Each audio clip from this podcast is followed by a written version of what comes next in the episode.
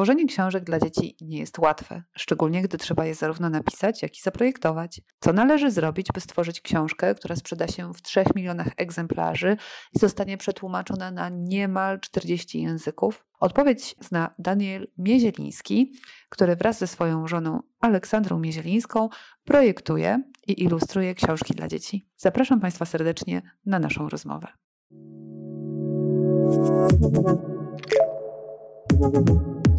Słuchasz podcastu z cyklu Mistrzowie, realizowanego w ramach strefy designu Uniwersytetu SWPS. Więcej materiałów dotyczących projektowania znajdziesz na design.swps.pl oraz w kanałach multimedialnych naszego projektu na YouTube i Spotify. Zapraszamy! Dobry wieczór. Danielu, miło mi Cię gościć dzisiaj w, w, naszych progach. Dobry wieczór. Gdy zapraszałam Cię do udziału w naszym webinarze Strefy Designu Uniwersytetu SWPS, powiedziałeś mi, żeby Ci nie przysyłać pytań, bo ich takich nie czytasz, więc szanuję to bardzo. A mnie zaintrygowały dwie rzeczy w trakcie tej krótkiej wymiany maili. Mianowicie istotność kawy Inki i bardzo jasne określenie, że nie jesteście studiem projektowym, że nie jesteście studiem graficznym i że skupiacie się teraz tylko i wyłącznie na własnej twórczości i na projektowaniu książek. I tutaj mam właśnie te dwa pytania. Dlaczego dlaczego kawa Inka jest tak istotna? A drugie pytanie jest takie, jak osiągnąć taką wolność twórczą i wolność w pracy projektowej, żeby robić to, co się chce i na własnych zasadach? Nawet nie pamiętam, jak to było z tą kawą Inką. Chyba Ola miała jeszcze, jak się poznaliśmy na drugim roku, takiego maila na Onecie, w sensie, że kawa Inka małpa i tam była jakaś onetowa domena. I tą kawę Inkę zostawiliśmy, już dodaliśmy do Hipopotam Studio i mimo, że ten mail był długi, kawainka małpa to jakoś wszyscy klienci zapamiętywali. I to chyba... Mm, no i to chyba tylko dlaczego trzymamy jeszcze tego maila, mimo że Hipopotam Studio nie istnieje. A drugie pytanie było o to, że nie jesteśmy studiem. Tak, no nie jesteśmy studiem, bo nie bierzemy od, nie wiem, siedmiu lat zleceń. E, a jak dojść do tej wolności, to po prostu trzeba mieć dużo szczęścia, myślę. Nie ma, to my po prostu mieliśmy dużo szczęścia. Ja nie widzę jakoś wielkich tutaj zasług po naszej stronie, to trzeba być w dobrym momencie. Okej, okay, czy jest to powiedzmy szczęśliwy zbieg okoliczności i możliwość wykorzystania odpowiednio e, koniunktury i bardzo szanuję tę odpowiedź, która nie zawiera żadnych magicznych przepisów ani e, e, żadnych takich szczegółowych wytycznych, jak ciężko pracować i po 15 latach nagle dojść do tego momentu, w którym wydarzy się sukces. Zajmujesz się poza kawą i książkami edukacją specjalizujesz się w projektowaniu, a właściwie nauczania projektowania gier i komiksów. To są e, gry mm, to planszowe. Rozmawialiśmy o tym trochę przed wejściem na e, antenę. Chciałam zapytać przy okazji, w jakie gry warto grać i jakie komiksy czytać. Przeglądałam Twoje konto na Instagramie y, i przyznam, że nie przeskrolowałam do samego końca, bo byłam pod wrażeniem ilości gier, które tam y, pokazujesz. Nie ma tam dwóch tych samych gier, to zdążyłam y, zauważyć. W związku z czym pytanie, mm, po co tak wiele gier? W które warto grać? Jakie komiksy czytasz? I za chwileczkę też zapytam po głębie ten, ten obszar. Mhm. Nie, no zdarza mi się grać w te same gry wiele razy, to też tak e, nie jest. No, mm, nie wiem, w moje ulubione w Gloomhaven to mam pewnie, no mam na pewno powyżej 70 partii zagranych. Mm, ja chyba jestem tak zwany omnigamer, czyli taka osoba, która lubi różne gatunki. Chyba jedyne, e, co nie gram, to są symulacje gier wojennych, szczególnie takich z XX wieku.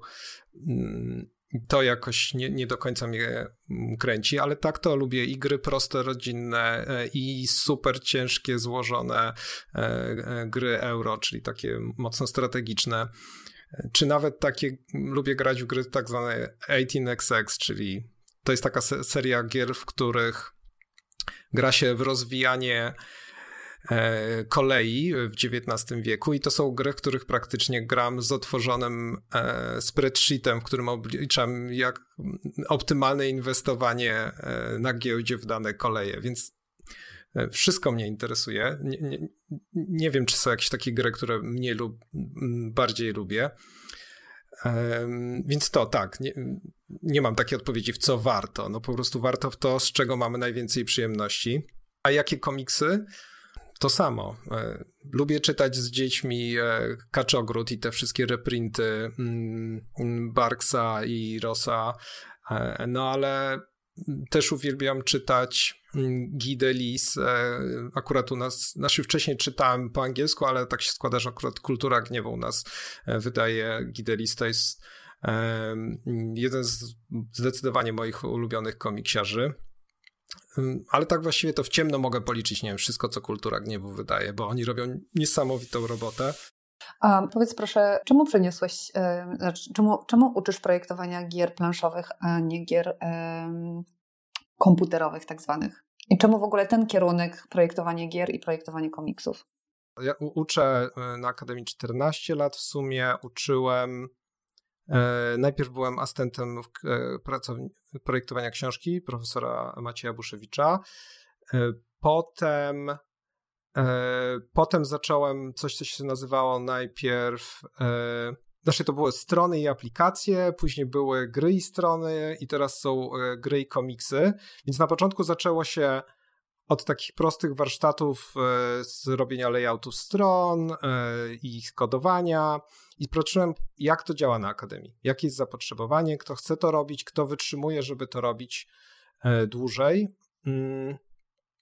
I zauważyłem, że z tym programowaniem było różnie, nie wszyscy chcieli to robić, więc e, zacząłem szukać czegoś, e, gdzie to programowanie nie byłoby obowiązkowe. No, trochę trudno robić gry wideo, nie robiąc żadnych prototypów, żadnych modeli, które faktycznie będą działać, tylko polegając na tej wizualnej stronie. I przez chwilę to było rzeczywiście te, to były wtedy jeszcze warsztaty takie fakultatywne, że robiliśmy tylko gry wideo na zasadzie no, projektowanie postaci, projektowanie environment, environmentu, wymyślanie, jak ta gra może działać, funkcjonować, to, to było ok.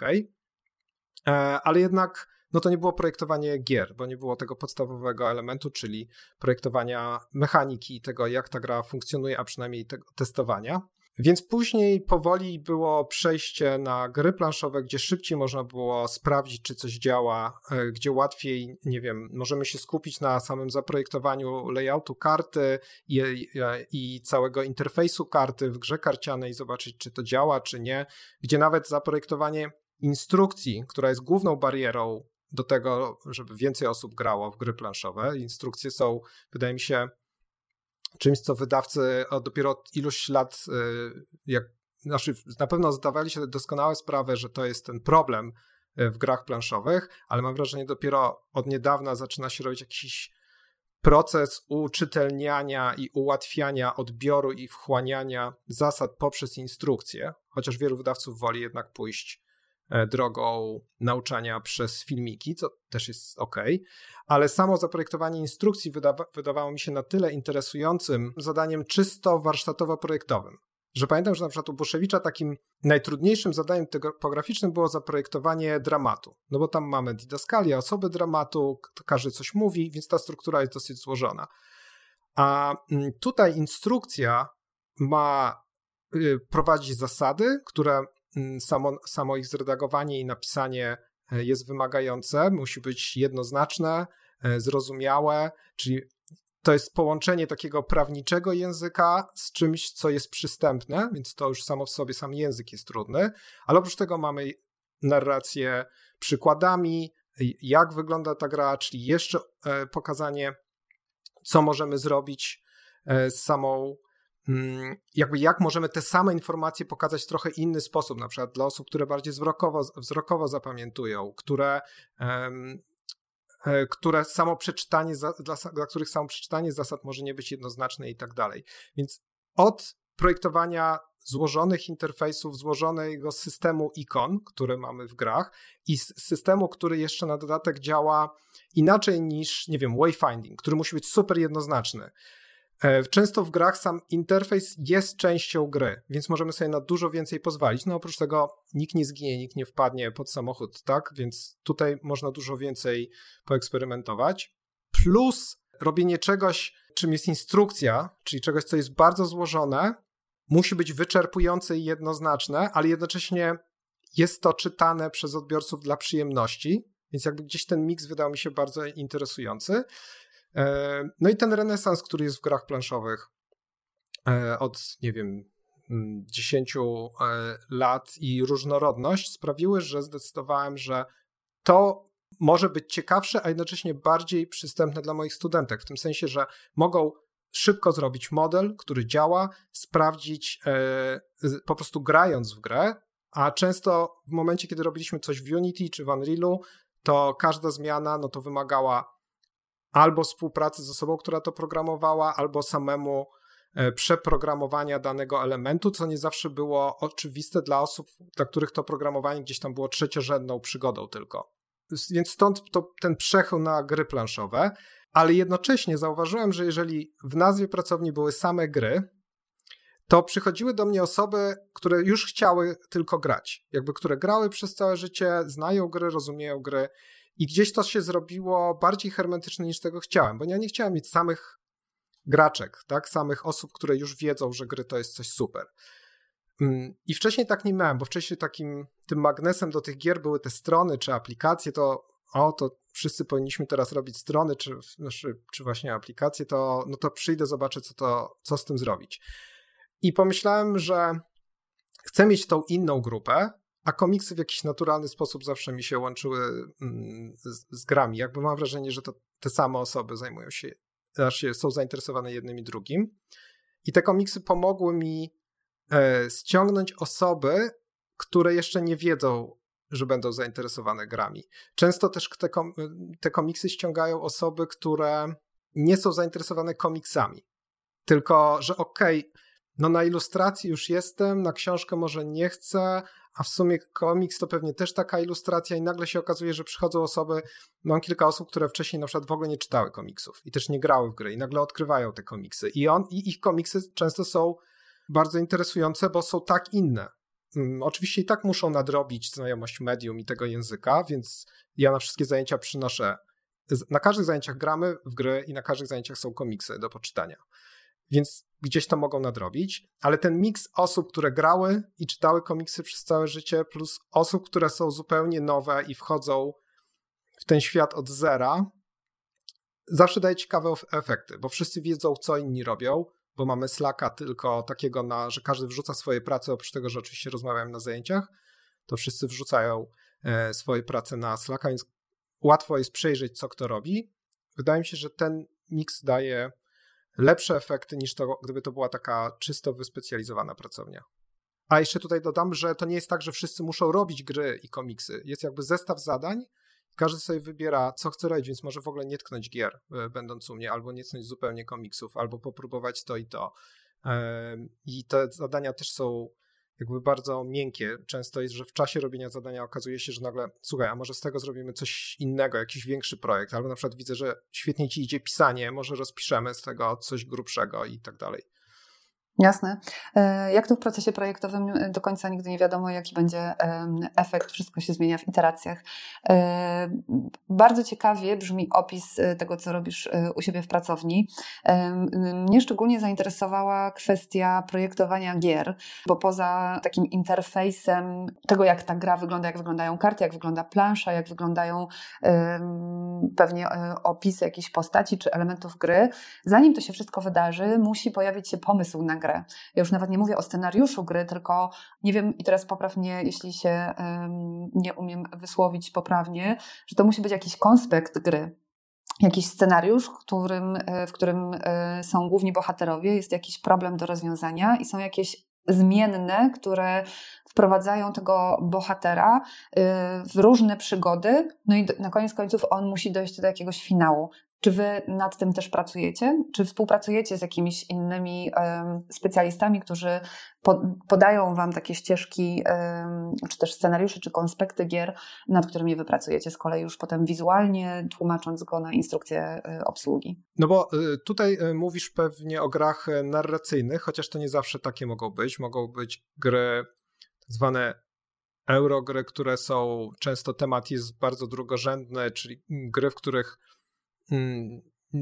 nie ma za dużo negatywnej interakcji między graczami, w której mamy logiczną, ekonomiczną e, łamigłówkę do rozwiązania, tak? Mogą być to gry, nie wiem, że inwestujemy w coś e, albo wymieniamy dobra na dobra, to taki standardowy przykład, nie wiem, Concordii, gry zamień to dobro na inne dobro e, i tam nie ma tej fabuły, nie ma bohaterów, no po prostu zamieniamy wino na kamień i tak dalej, i kto ma więcej pieniędzy wygrywa. E, więc wydaje mi się, że to bardziej o co tu chodzi, to chodzi o mechanikę gry, czyli jaki jest ten feedback loop, jaki jest ten cykl, który osoby przy stole muszą wykonać, e, żeby gra szła do przodu i żeby wyłonić zwycięzcę lub grze kooperacyjnej, żeby im się udało coś osiągnąć lub nie. I to jest tak, że Zawsze jedno z zadań polega na opracowaniu mechaniki. Nie zawsze je e, ludzie chcą wybierać, bo trafiają do mnie osoby, które głównie są zainteresowane wizualną stroną projektów, co jest naturalne. E, ale dla tych osób, które nie chcą się zajmować mechaniką gry, często robimy tak zwaną reimplementację już jakiejś funkcjonującej gry. Czyli wybieramy grę, która istnieje, zaprojektowaną przez kogo. Na przykład w zeszłym semestrze robiliśmy reimplementację e, gier Rainera Knizia i można wziąć czystą mechanikę. Akurat jego gry są mm, znane z tego, że temat jest trochę do nich doklejony. On wymyśla samą mechanikę i oddaje gdzieś komuś, ktoś przygotowuje, chociaż ostatnio widzę, że też jest bardziej zaangażowany e, w temat.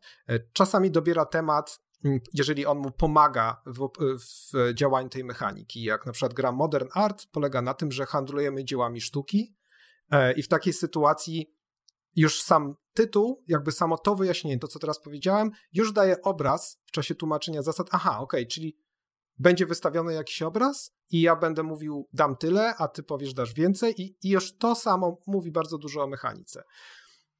E, I jak właśnie jedno z zadań zawsze jest taka reimplementacja, czyli wzięcie mechaniki i poszukanie albo innego tematu, albo reimplementacja czysto wizualna, czyli e, wzięcie gry, która ma świetną mechanikę, całkiem dobrze dobrany temat, ale chcielibyśmy, żeby dużo lepiej wyglądała, bo uważamy e, subiektywnie zupełnie, że nie wygląda tak dobrze, jakby mogła. Na przykład w tym semestrze takim, taką grą jest Le Havre Uwe Rosenberga, którą jest świetną grą, ale jest jednocześnie pewnie najbrzydszą grą w mojej kolekcji. I tam za zadanie mają e, zrobić, e, przeprojektować wszystkie karty i całą e, ikonografię.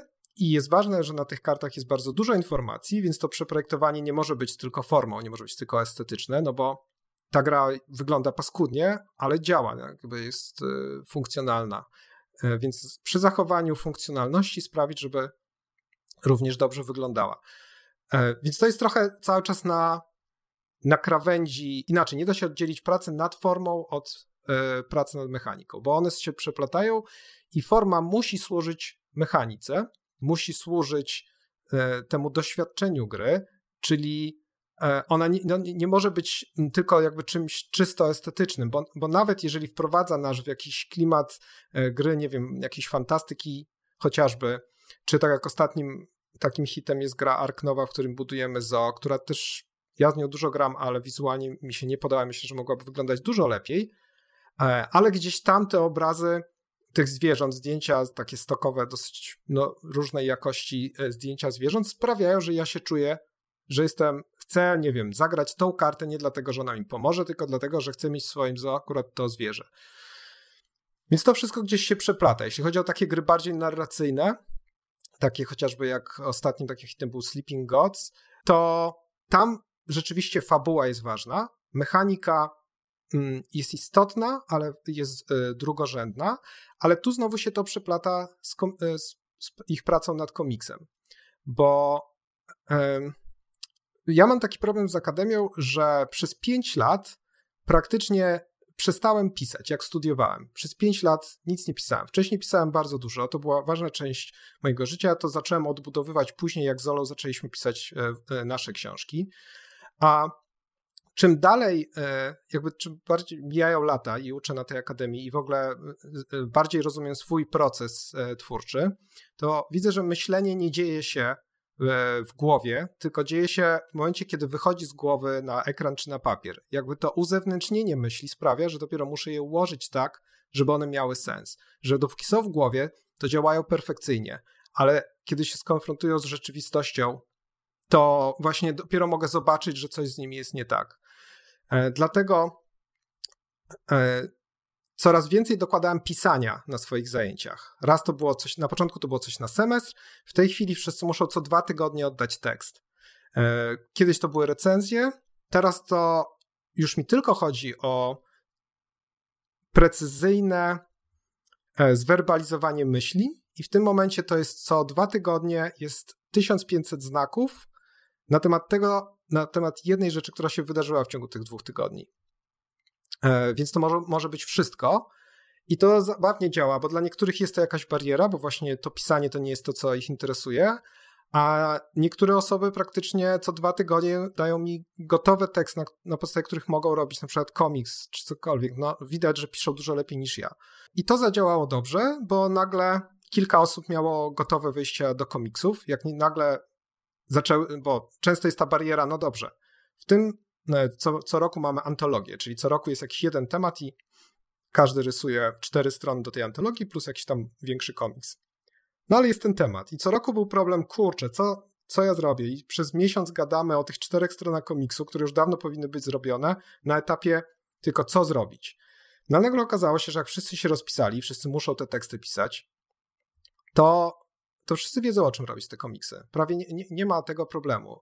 E, I to pisanie e, zawsze też był problem, o ja już chcę rysować ten komiks, no ale zaczekaj, najpierw słowa, słowa jest łatwiej przestawiać z kąta w kąt, E, napisz o czym on jest, zrób scenariusz, później zrobimy szybki storyboard, żeby było zaplanowane, oszczędzisz sobie mm, dużo czasu. I to, to powoli działa coraz lepiej. No i wydaje mi się, że też nie ma czegoś takiego, że nagle po pięciu latach trzeba napisać pracę magisterską o kurczę, ostatnio mm, pisałam coś na maturze. Wydaje mi się, że jeżeli ktoś, czy byłby taki temat na zajęciach, że trzeba zrobić taką grę narracyjną, to tutaj byłoby nawet łatwiej niż z tymi grami bardziej strategicznymi i abstrakcyjnymi. Powiem Ci, jestem pod wielkim, e, pod wielkim wrażeniem. W Krakowie jest taka kamienica, którą zaprojektował Teodor Talowski e, i napisał na niej długo myśl, prędko czyń.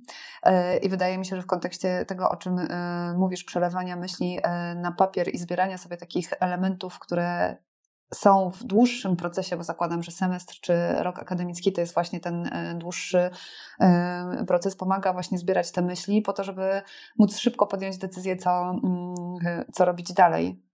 Myślę sobie też, że bardzo holistycznie podchodzisz do e, projektowania i do prowadzenia swojej pracowni, że te umiejętności powiedziałabym, artystyczne czy też wizualne przekuwania jakichś myśli w formę wizualną nie są podstawą tak naprawdę umiejętności, których uczysz swoje studentki. Do tego też, też wrócę, bo, bo mam tutaj y, pytanie o, mm, o ilość kobiet u Ciebie na zajęciach ale że umiejętność krytycznego myślenia i weryfikowania własnych pomysłów to jest coś, co mnie bardzo y, uderzyło, że dopiero myśli, które przelane są na papier, wydają się albo cenne, albo wymagające struktury, albo takie, w których ten geniusz y, zanika, bo okazuje się, że są jakieś y, wyrwy.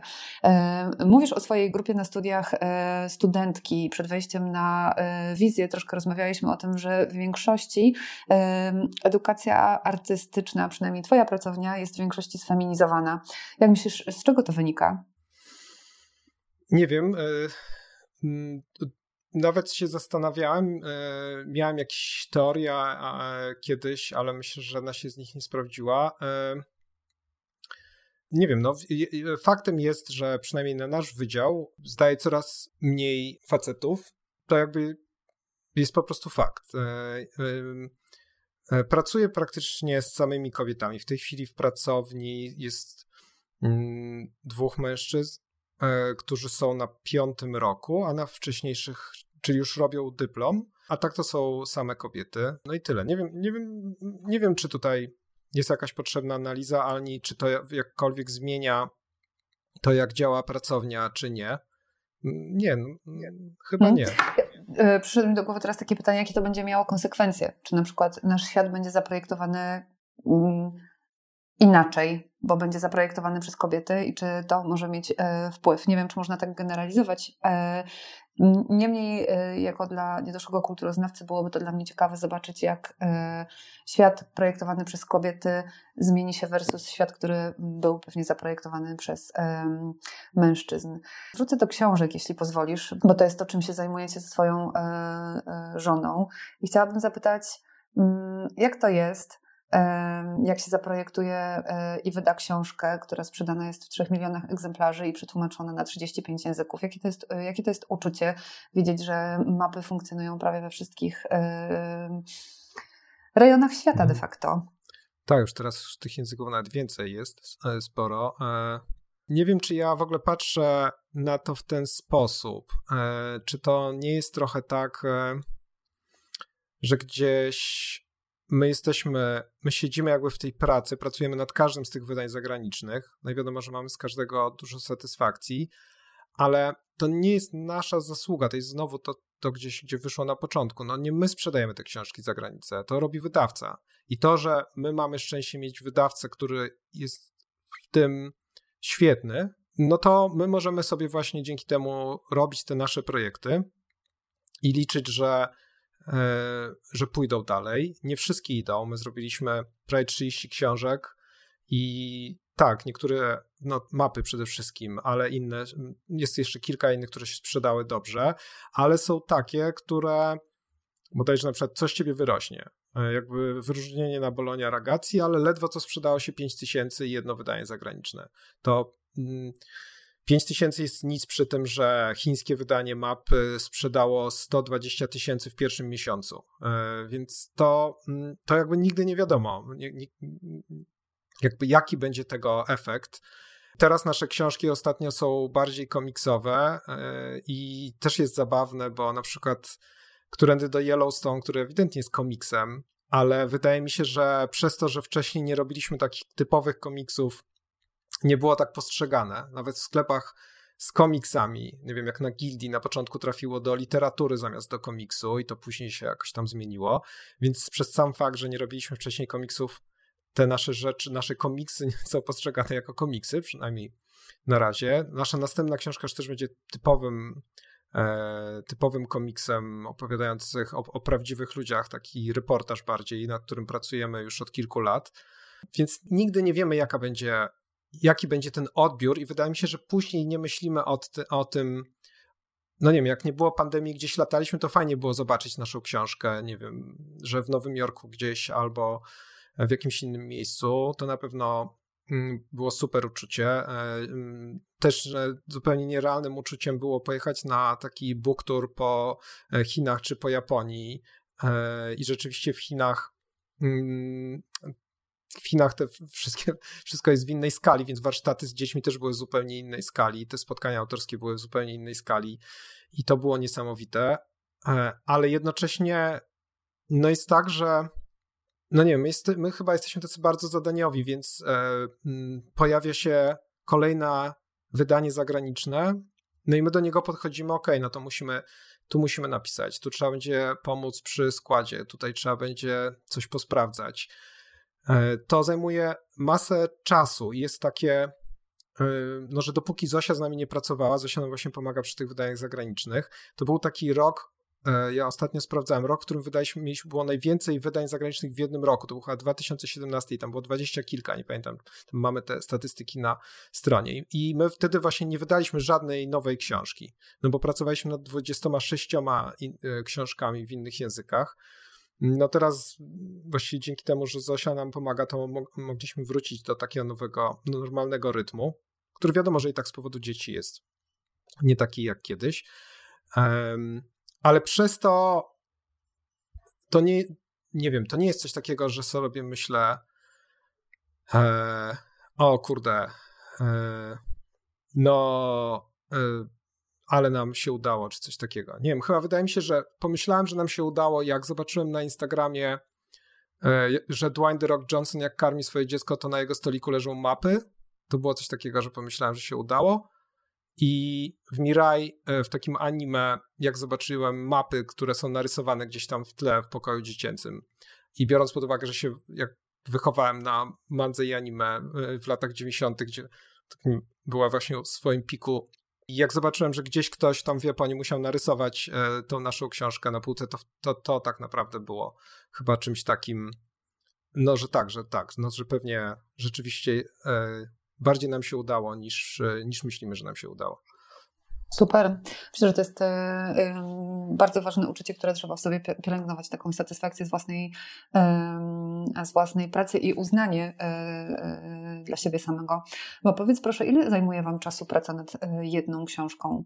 Ile czasu poświęciliście mapom? Mówisz, że rok pracujecie, że kilka lat już pracujecie nad tą książką, którą zamierzacie wydać właściwie komiksem, a takie książki jak Mapy, Mamoko, E, coś ciebie wyrośnie, czy mm, opowieści dziadka Eustachego? No to właśnie e, zależy od książki, bo mapy to faktycznie były trzy lata, z czego pół roku to były tylko fonty, kroje pisma do, do tej książki, bo na początku tam było wszystko rysowane ręcznie, ale przy mapach coś czuliśmy, że tutaj tych wydań zagranicznych będzie więcej, że to jest niemożliwe, żeby później to wszystko napisać, więc, e, więc te fonty były ważne. Mamoko to jeszcze było i, i przed dziećmi, to było dawno, to Mamoko to jest faktycznie, to było jeden tom, jeden miesiąc i żeby zrobić. Dziadek Eustachy był trochę odskocznią po dwóch dużych książkach, które robiliśmy kilka lat, czyli Którędy do Jarosław i Gryza. Potrzebowaliśmy przerwę, zanim wgryźliśmy się na nowo w tą książkę, którą teraz robiliśmy. E, I to było też, e, nie pamiętam, za dwa miesiące. Znaczy, storyboard do tej książki, taki naprawdę baz, bazgroły, to był zrobiony jakoś z rok, czy, czy może dwa lata, zanim zaczęliśmy ją rysować. E, ale ta historia już działała, ona była rozrysowana, więc to sobie może tam gdzieś siedzieć w Google Docu długo. No i później trzeba było to tylko narysować, ale. Mm, ja poszczególnie Dajgryza, który jest takie wysycone informacjami i tam było dużo tego sprawdzania, potrzebowałem coś, gdzie nie muszę cały czas siedzieć w źródłach, żeby napisać chociaż dwa słowa, narysować każdy obrazek. Poczekaj, żeby dobrze zrozumieć, to jest tak, że wy nie macie osoby, która robi dla was taki pogłębiony research, wyszukuje tych wszystkich e, smaczków, jak w przypadku Degry zaprowadzi całą taką etnografię, wrzuca wam te informacje w Google Docsy i mówi do ciebie Daniel, Ola, to jest istotne, tego nie możecie e, pominąć, a potem zbiera to od was, kiedy już sobie to e, napiszecie i redaguje i mówi, to jest istotne, to nie jest istotne, to wy sami tworzycie teksty, robicie badania, robicie tą etnografię i ilustrację? Tak. To znaczy przy Dajgryza jest, Natalia z nami pracowała, więc Natalia najpierw robiła research, my go omawialiśmy, co chcemy, a co nie chcemy, ale w przypadku na przykład, które do Yellowstone pod wodą, pod ziemią, no to jest najpierw research nasz. Zresztą mapy tak samo. No najpierw jest tydzień zbierania faktów i na każdej mapie jest od tam 70 do chyba 120 takich obrazków. No i my wybieramy sobie, nie wiem, na przykład 250 e, i z nich wybieramy. Już przy tych mapach, które teraz powstają, bo właśnie z mapami jest tak, że one powstawały 3 lata, ale tak naprawdę 2012 ciągle nad nimi pracujemy, bo dochodzą nowe mapy, są wydania zagraniczne i tak dalej. No to teraz, e, jak musi dojść jakaś nowa mapa, no to znowu niezastąpiona Zosia nam pomaga tu przy researchu, po prostu wybierając dużo więcej, my z tego wybieramy. E, w książkę, którą teraz pracujemy, no to mamy to szczęście, ponieważ ona opisuje prawdziwe wydarzenia prawdziwych osób, no to e, mamy współautora, który jest bohaterem mm, tych wydarzeń. Więc to jest e, też dla nas coś nowego, bo zazwyczaj my bazujemy na źródłach, ale ta książka jakby będzie źródłem do wielu tych historii, bo to jest naukowiec, który robi badania naukowe e, i często jest śmiesznie, bo często nie możemy czegoś napisać, bo ona mówi, nie, wiecie, to jeszcze jest nieopublikowane, więc jeszcze nie możemy tego tu napisać. Albo na przykład czekamy, okej, okay, to już opublikowaliśmy, to już tutaj to możemy zrobić, więc to jest super. Ale też e, tak naprawdę praca nad tą książką e, sprowadza się do tego, że ponieważ rzeczywiście ba bazujemy na badaniach naukowych, a nie na ich opracowaniach, czyli już czymś, co jest jakoś popularyzatorskie, jakieś przystępne, no to najpierw musimy się nauczyć w ogóle czytać czysto naukowe teksty, które wiadomo, jest więcej nawiasów z nazwiskami niż e, treści, no ale to też jakoś tam przyszło w miarę łatwo, a poza tym zawsze mogliśmy się skonsultować e, ze współautorem i, e, i wszystko jakby zaczynało tam gdzieś działać. Ale tak, tak naprawdę ponad połowa pracy przy większości naszych książek, no nie przy Mamoko czy jak Dziadek, ale przy tych popularno-naukowych, to nie jest rysowanie, tylko to jest zbieranie tych materiałów i pisanie treści. No i później e, praca z, z, redakcją, no to jest jakby już oddzielne. I wtedy dopiero na tym etapie, kiedy my oddajemy gotową książkę, to wydawnictwo często zatrudnia osoby, które weryfikują treść, no i redaktorzy to jeszcze jakoś przemielają, no bo wiadomo, e, błędy się, wiadomo, że przemykają, to jest jasne, Zobaczymy, jak będzie redakcja przy tej książce wyglądała, no bo tutaj pracujemy z ekspertami, których nie, jakby nie ma w Polsce nikogo wyżej, więc. E, Ciekawe, kto ich może zweryfikować. Nie? Ale może chociaż pod kątem językowym, nie faktograficznym. A nie, no to to jasne. Tak, mhm. pod kątem językowym my nigdy nie uważaliśmy, że jesteśmy jacyś super i tutaj na pewno jakby potrafimy get the job done, ale nigdy nie będzie to jakieś literacko nie wiadomo jakie osiągnięcie, więc na pewno pod kątem językowym to tak, potrzebujemy pomocy. Urodziło się mi mnóstwo pytań teraz. E, po pierwsze, jak wasza współpraca z żoną e, przebiega, e, ale myślę, że skoro pozostajecie małżeństwem i tworzycie razem kolejne książki, to jednak jest więcej plusów niż minusów, ale to jest zawsze interesująca kwestia, jak będąc tak blisko ze sobą na co dzień, można układać sobie współpracę zawodową, mm, w której wiadomo, że też jest dużo, dużo wyzwań. Tak, i tu, tu, tu bym chciała najpierw się zatrzymać. To jest bardzo nudna odpowiedź, bo nigdy nie mieliśmy żadnych sprzeczek. My się poznaliśmy na egzaminie wstępnym na uczelnię, uczyliśmy się wszystkiego razem, byliśmy w tych samych pracowniach. Wszystkie pierwsze prace robiliśmy razem, pierwsze książki robiliśmy razem. Nigdy nie mieliśmy żadnej jakby niezgodności, nie to, że niezgodność, bo to chodzi o to, że nigdy nie mieliśmy sporu co do tego, co użyć. Jeżeli Ola mi coś mówi, że coś nie działa w tym, co ja zrobiłem, to pewnie nie działa. I, I w drugą stronę myślę, że też tak jest, więc e, to jest bardzo nudne. Nie, po prostu nie, nie, nie, ma tu, nie ma tu żadnego konfliktu. No, hmm. Ja myślę, że to nie, jest, to nie jest bardzo nudne. Myślę, że to jest e, zupełnie nie, e, nieoczekiwane i często niezrozumiałe, żeby interpretować e, czyjś feedback, to nie lubię tego polskiego słowa, ale czyjąś informację zwrotną nie jako element krytyki, tylko taki element wsparcia i że to, co dostajesz od drugiego człowieka, to nie jest coś, co jest wymierzone przeciwko tobie i to nie jest to takie mm, zderzanie się ego, tylko że to jest coś, co działa na twoją korzyść. Jeśli to weźmiesz, to po prostu jakby e, rośniesz. To jest najbardziej niedoceniana rzecz w ogóle w tej edukacji artystycznej u nas, że e, jest podbudowywanie ego i przez system korektowy wydaje mi się, jest taka powszechna obawa przed tym, co się usłyszy od drugiej osoby. No bo na korektach się zazwyczaj mówi, co nie działa, tak? Oczywiście ja zawsze staram się mówić też pozytywy, no ale mówimy, jesteśmy od tego, żeby powiedzieć, co nie działa, bo to, co działa, jest ok. I wydaje mi się, że przez ten system e, jest e, o powszechny brak umiejętności pytania się o konsultacje osób, na, nie profesorów, nie profesorek, tylko osób, e, jakby studentek między sobą. Że słuchaj, a co ty o tym myślisz? I wtedy mamy albo odpowiedź wspierającą, nie, jest w ogóle ekstra, super, dawaj do przodu, która na pewno jest, może być ok dla motywacji, chociaż to jest wątpliwe, bo jakby motywacja wynikająca z tylko potrzeby pochwał jest bardzo e, krótkotrwała, no bo nie pozwala nam się rozwijać. Dużo lepsza jest motywacja nasza wewnętrzna chęci rozwoju, bo wtedy będziemy cały czas chcieli ryzykować robić coś nowego, więc to tak naprawdę nie jest tak pomocne, jak wszyscy myślimy.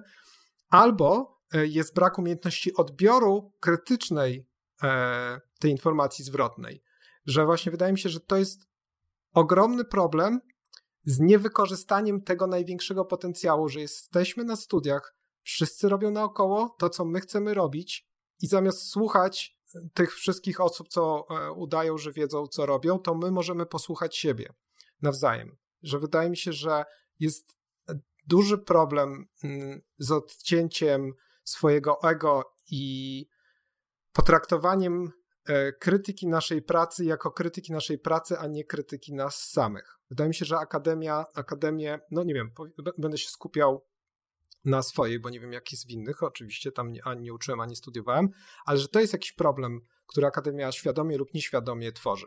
Ja, ja, tutaj e, pójdę trochę śmielej i w ogóle myślę, że to nie jest wina akademii. Myślę, że to jest wina wychowania. Myślę, że to jest wina tego, co my dostajemy e, od naszych rodziców, rodzice od swoich rodziców i jakby można iść wstecz e, z, pokole, z pokolenia na pokolenie, bo gdy my zachowujemy się nieodpowiednio wedle jakichś standardów naszych rodziców, to dostaliśmy, myślę, że to się zatrzymuje na naszym pokoleniu już trochę, ale my dostawaliśmy feedback, że ty jesteś zły, a nie twoje zachowanie jest złe.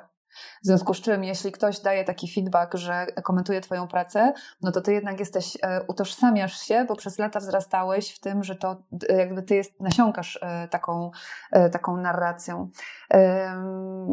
Wspominasz o edukacji artystycznej, to jest jedno z moich pytań. Co zmieniłbyś w polskim systemie edukacji artystycznej? No ja widziałem, że chcesz o to spytać i pomyślałem, że nie będę na to odpowiadał, bo Kiedyś może będę chciał zakończyć swoją karierę e, e, akademicką i powiedzieć, ale myślę, że na razie jeszcze chcę trochę pouczyć i, i chyba nie będę wchodził w ten temat. No to to już jest jakieś pole do, e, do eksploracji i zamiast zamknąć temat, to otworzyłeś pewnie wszystkie możliwe po prostu yy, yy, możliwe chęci pociągnięcia tego tematu.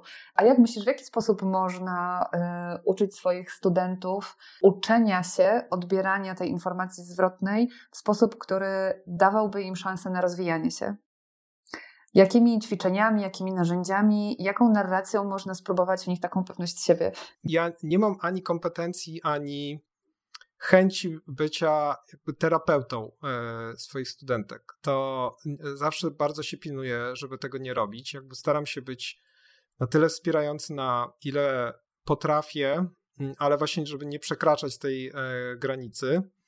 E, staram się może czasem interweniować, jak widzę jakieś problemy, które przeszkadzają w byciu jakby takim czymś, co nazywam produktywną kreatywnością, jakimś takim zestawem e, rozwiązań, które pomagają być produktywnym, e, ale nie takim zmechanizowanym, to staram się o tym jakoś rozmawiać, ale e, no, to, o czym mówimy, mm, o co teraz pytasz, wydaje mi się, że idzie trochę dalej e, niż tylko taka relacja e, nauczyciel-studentka, tak?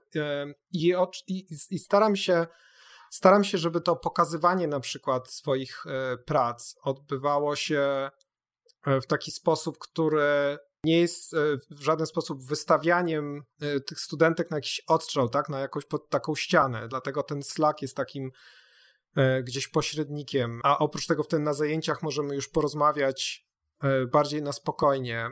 Mm, staram się, żeby wszyscy wiedzieli, kto co robi. No i też, no nie wiem, rozmawiać właśnie konkretnie o, o projekcie. Nie wiem, to jest, e, to jest trudne. Wiele, wiele osób myślę ma z tym problem. Ja miałem z tym problem, jak sam studiowałem. Wydaje mi się, że jest też potrzeba takiego wsparcia nauczycieli, bo wydaje mi się, że mamy za dużo możliwości, żeby e, kogoś naprawdę zepsuć, jakby będąc e, w tak e, personalnej, w takiej osobistej relacji. No bo każdy, każdy u mnie robi coś innego, to nie są wykłady, każdy ma inne zadanie, przychodzi do mnie i rozmawia ze mną. I to, co ja powiem, jakby czym dłużej uczę, widzę, że tym większe ma konsekwencje nie tylko czysto zawodowe dla tej osoby, tak? I dlatego e, staram się być bardzo ostrożny. Do tego, mm, do tego stopnia, że na przykład od tego roku w ramach eksperymentu, to też jest, wszystkie moje studentki o tym wiedzą i to jest jasno powiedziane w takim filmiku, który ja zawsze nagrywam dla nich na początku roku, że w tym roku postanowiłem sobie zafundować taką superwizję psychologiczną. To znaczy, że to nie jest mój terapeuta, tylko to jest osoba, której e, opowiadam, no tak jak Terapeuci zresztą, psychologowie e, mają, że mają taką osobę, która ich kontroluje. Ja mam taką osobę, której ja opowiadam o trudnych sytuacjach, e, których ja mam e, jako nauczyciel, jakby konkretnych e, przypadkach. No, żeby właśnie nie pogłębić jakichś problemów albo m, mm, zauważyć wcześniej różne sytuacje, których ja no właśnie z braku kompetencji mógłbym nie widzieć. Czy to jest Twoja osobista inicjatywa, czy to jest tak, inicjatywa tak. systemowa? Nie, nie, moja osobista. E, więc no to, o, o czym mówisz, jest e, ogólnie na pewno dużo bardziej złożone. E, I tak jak mówi, ja nie staram się być terapeutą, staram się nie czynić szkody. Jasne. No, primum non nocere, tak? To jest jakby żelazna zasada lekarzy, aczkolwiek można ją przełożyć faktycznie na, na zawody i nauczanie artystyczne. To teraz trochę wracając do Waszej wspólnej e, z żoną pasji i waszej pracy. Czy wy miewacie nadmiar pomysłów? Na pewno mam więcej pomysłów niż czasu, żeby e, te pomysły zrealizować. Tak było zawsze. Wydaje mi się, że to też zawsze powtarzam, że pomysły są w ogóle przeceniane, bo wszyscy mamy tonę pomysłów. Siedzimy, e, nie wiem, siedzimy w metrze, kąpiemy się i przychodzą nam do głowy pomysły.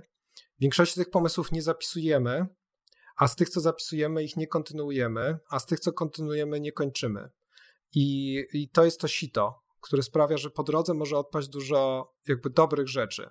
I to jest znowu powrót do tego pisania, że bez tego pisania no nie ma myślenia, bo nie ma nad czym myśleć.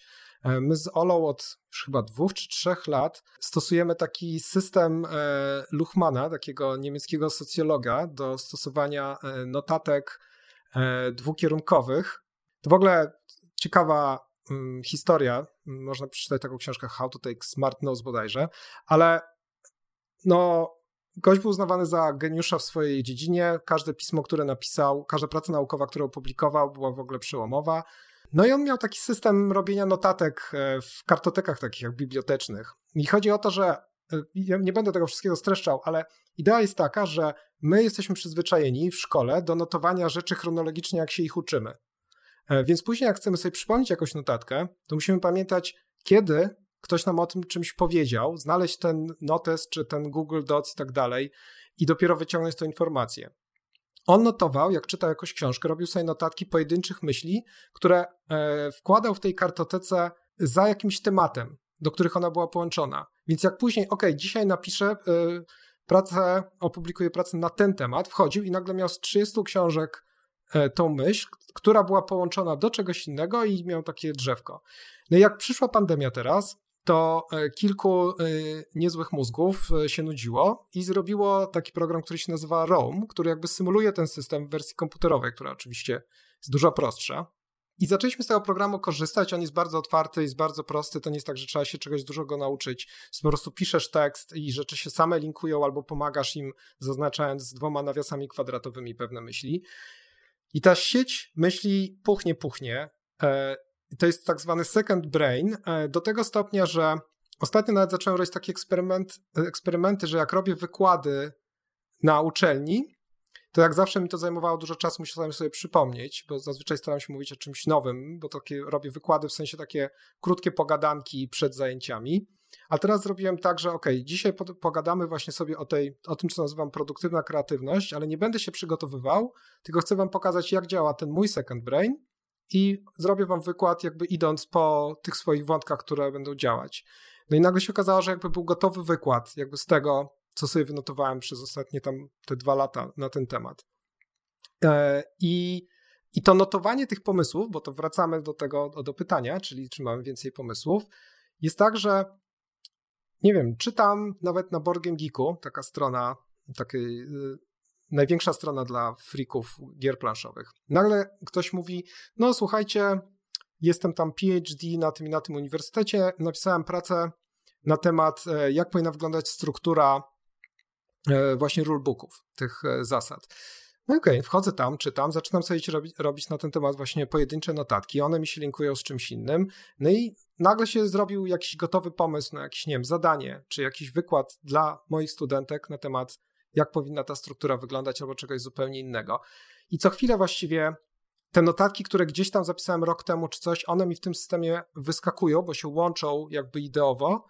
E, I bez tego zapisywania, na przykład żałuję, że to tak późno w swoim życiu odkryłem, bo jakbym to znał od początku studiów, to, e, to tyle rzeczy innych by wyszło po drodze.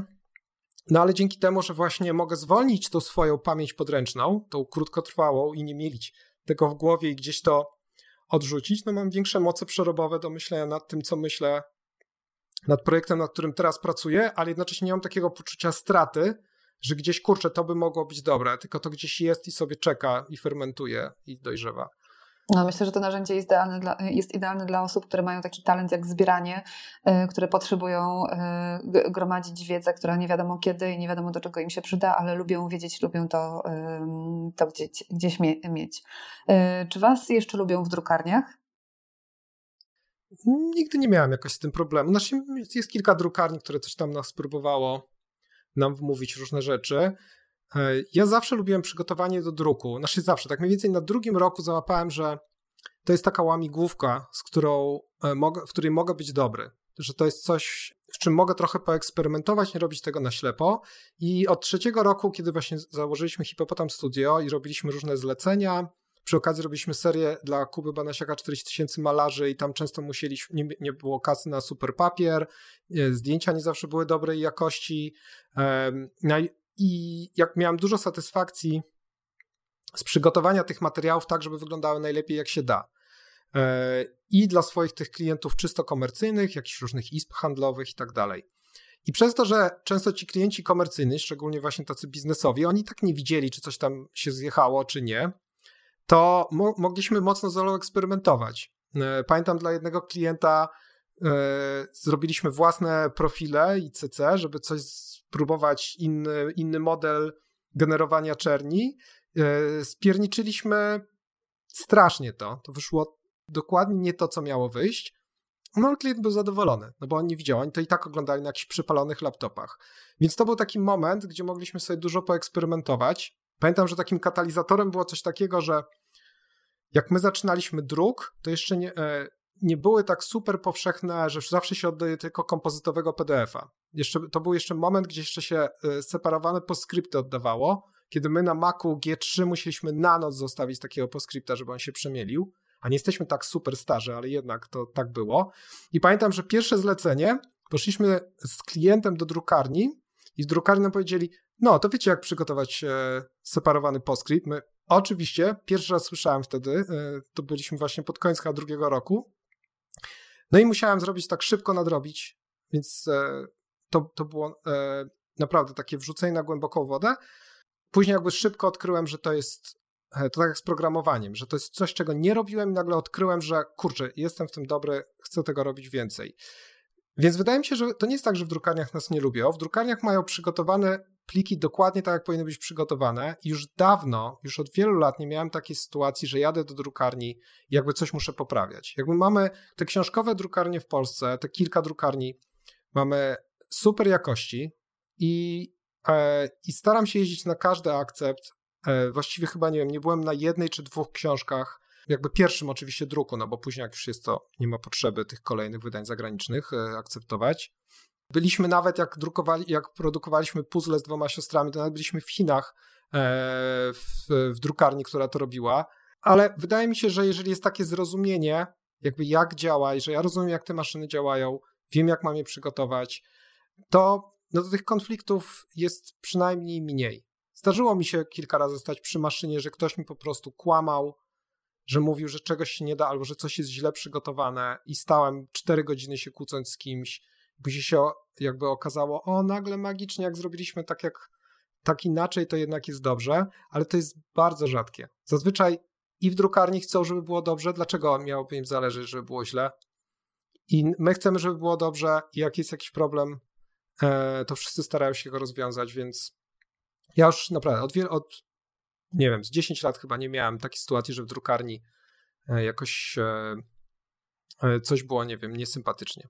Było z przygodami, jasne. To ostatnie pytanie y, mam dla Ciebie y, na dzisiaj. Powiedz mi, jakie było y, Twoje największe wyzwanie projektowe? Nie wiem, czy mam coś takiego w głowie. Wiem, że na pewno moje największe wyzwanie, jakby zawodowe, tak szerzej, to było, kiedy postanowiłem, że chcę się nauczyć programować. Gdzieś na drugim roku postanowiłem, a dopiero na trzecim się do tego zabrałem. Podejrzewałem, że to będzie coś, co może mi sprawiać przyjemność, bo gdzieś już wcześniej coś takiego próbowałem. Nie sądziłem, że aż tak mocno się w to wkręcę, że przez kilka lat jakby robiliśmy, jakby programowaliśmy wszystko, co wypuszczaliśmy i robiliśmy gry i robiliśmy różne dziwne eksperymenty, ale przekonanie samego siebie, że to jest mm, coś, co mogę robić. To jest coś tak inne od tego, co robię na co dzień, ale coś, co mogę robić i mogę zainwestować w tę energię. No zajęło mi pewnie z rok, a jednocześnie pozwoliło mi odkryć coś, co do tej pory uważam było najbardziej, bo teraz po prostu nie mamy kiedy zajmować się programowaniem, z czegoś trzeba było zrezygnować, ale to było na pewno najbardziej satysfakcjonująca e, rzecz zawodowa, jaką robiłem. E, więc mimo, że to był taki duży skok, ale dał mi taką pewność siebie, że zrobiłem to, kiedyś będę chciał, nie wiem, animować w 3D, będę potrafił zrobić to, że jakby to mi dało taką pewność siebie, że to wszystko są narzędzia stworzone przez ludzi po to, żeby korzystali z nich inni ludzie. I to było chyba takie największe wyzwanie rzeczywiście Zawodowe. Super. E, słuchaj, jeśli moglibyśmy jakoś podsumować naszą e, rozmowę, to e, ja podam kilka myśli i powiedz proszę, czy byś się z tym zgodził. W pierwszej kolejności to to, żeby zapisywać wszystkie swoje pomysły, bo te, które nie są zapisane, nie są zrealizowane, albo przynajmniej nie mają szansy na to, żeby zaistnieć. Druga rzecz, która wybrzmiała, to to, że nie ma czegoś takiego jak złoty przepis na e, sukces, że wszystko jest raczej szczęśliwym zbiegiem okoliczności i przypadkiem, w którym trafiasz na dobry czas i y, dobre miejsce, dobrą koniunkturę. I trzecia rzecz, która u mnie bardzo mocno została, to to, żeby robić to, co cię rozwija, wtedy, kiedy masz na to czas i energię. Nawet jeżeli odraczasz to trochę w czasie, to jednak zrobić to wtedy, kiedy tego czasu masz wystarczająco dużo, bo potem zajmie cię prawdziwe życie. Czy dodałbyś coś jeszcze? No może właśnie jeszcze takie spostrzeżenie, że nie ma sensu zajmować się tym projektowaniem, jeżeli nasza kondycja psychiczna nie jest najpierw zadbana. Że to, co zauważyłem, że nie ma sensu w ogóle uczyć e, ludzi, jak dobrze ustawić dymki w komiksie, jeżeli e, te podstawowe problemy nie są zadbane. Więc e, to jest też w kontekście dbania o samo, samego siebie, ale też w kontekście właśnie tych relacji na uczelni, że dlatego jestem, w ogóle ani nie znoszę tych wszystkich sesji poprawkowych, ani takich typowych mechanizmów szkolnych, które zmuszają do szybkiego czegoś zaliczenia, no bo wychodzę z założenia, że te osoby na uczelni są dorosłe i jakby to ich przymuszanie do tego uczenia, rozumiem, że my jako uczelnia dajemy pieczątkę, wy skończyliście tu, to znaczy, że wiecie tyle i tyle. No ale gdzieś szczególnie w tym zawodzie to jest taka fikcja, tak? Bo kto, kto pokazuje swój dyplom Akademii Sztuk Pięknych kiedykolwiek? Ja go pokazałem raz, jak robiłem doktorat i doktorat odebrałem dopiero wtedy, jak robiłem habilitację, bo komu to jest potrzebne, a, a, robiłem to tylko dlatego, że musiałem, żeby zostać na uczelni, tak? Więc tak, wydaje mi się, że to, to całe, y, te całe zaliczenia, oceny i tak dalej, to jest jakaś totalnie trzeciorzędna rzecz. A znowu praca nad tym wszystkim ma jakby mało sens, kiedy e, sami jesteśmy trochę popsuci. Więc wydaje mi się, że e, gdzieś to powinno być pierwszorzędne, jeżeli chce się w ogóle w tym zawodzie, pewnie w każdym, ale w tym mieć jakiś sukces ze względu na to, że tak duża, dużo z nas e, pracuje samodzielnie w domu. Więc jeżeli tu coś jest zachwiane, to, to ta praca po prostu będzie albo super ciężka, albo w ogóle się nie uda. Znaczy, jednym słowem, należy zadbać o siebie i swój własny dobrostan i pewność siebie nie tylko twórczą, ale taką mm, człowieczą, jeśli można tak, tak, tak nazwać. Tak, tak. W jaki sposób budować swoją e, rezyliencję. E, dziękuję Ci bardzo za, za rozmowę i za Twój czas. Państwu dziękuję za uwagę i zapraszam e, do śledzenia kanałów Strefy Designu Uniwersytetu SWPS. Do zobaczenia. Do zobaczenia, dziękuję. Thank you. thank you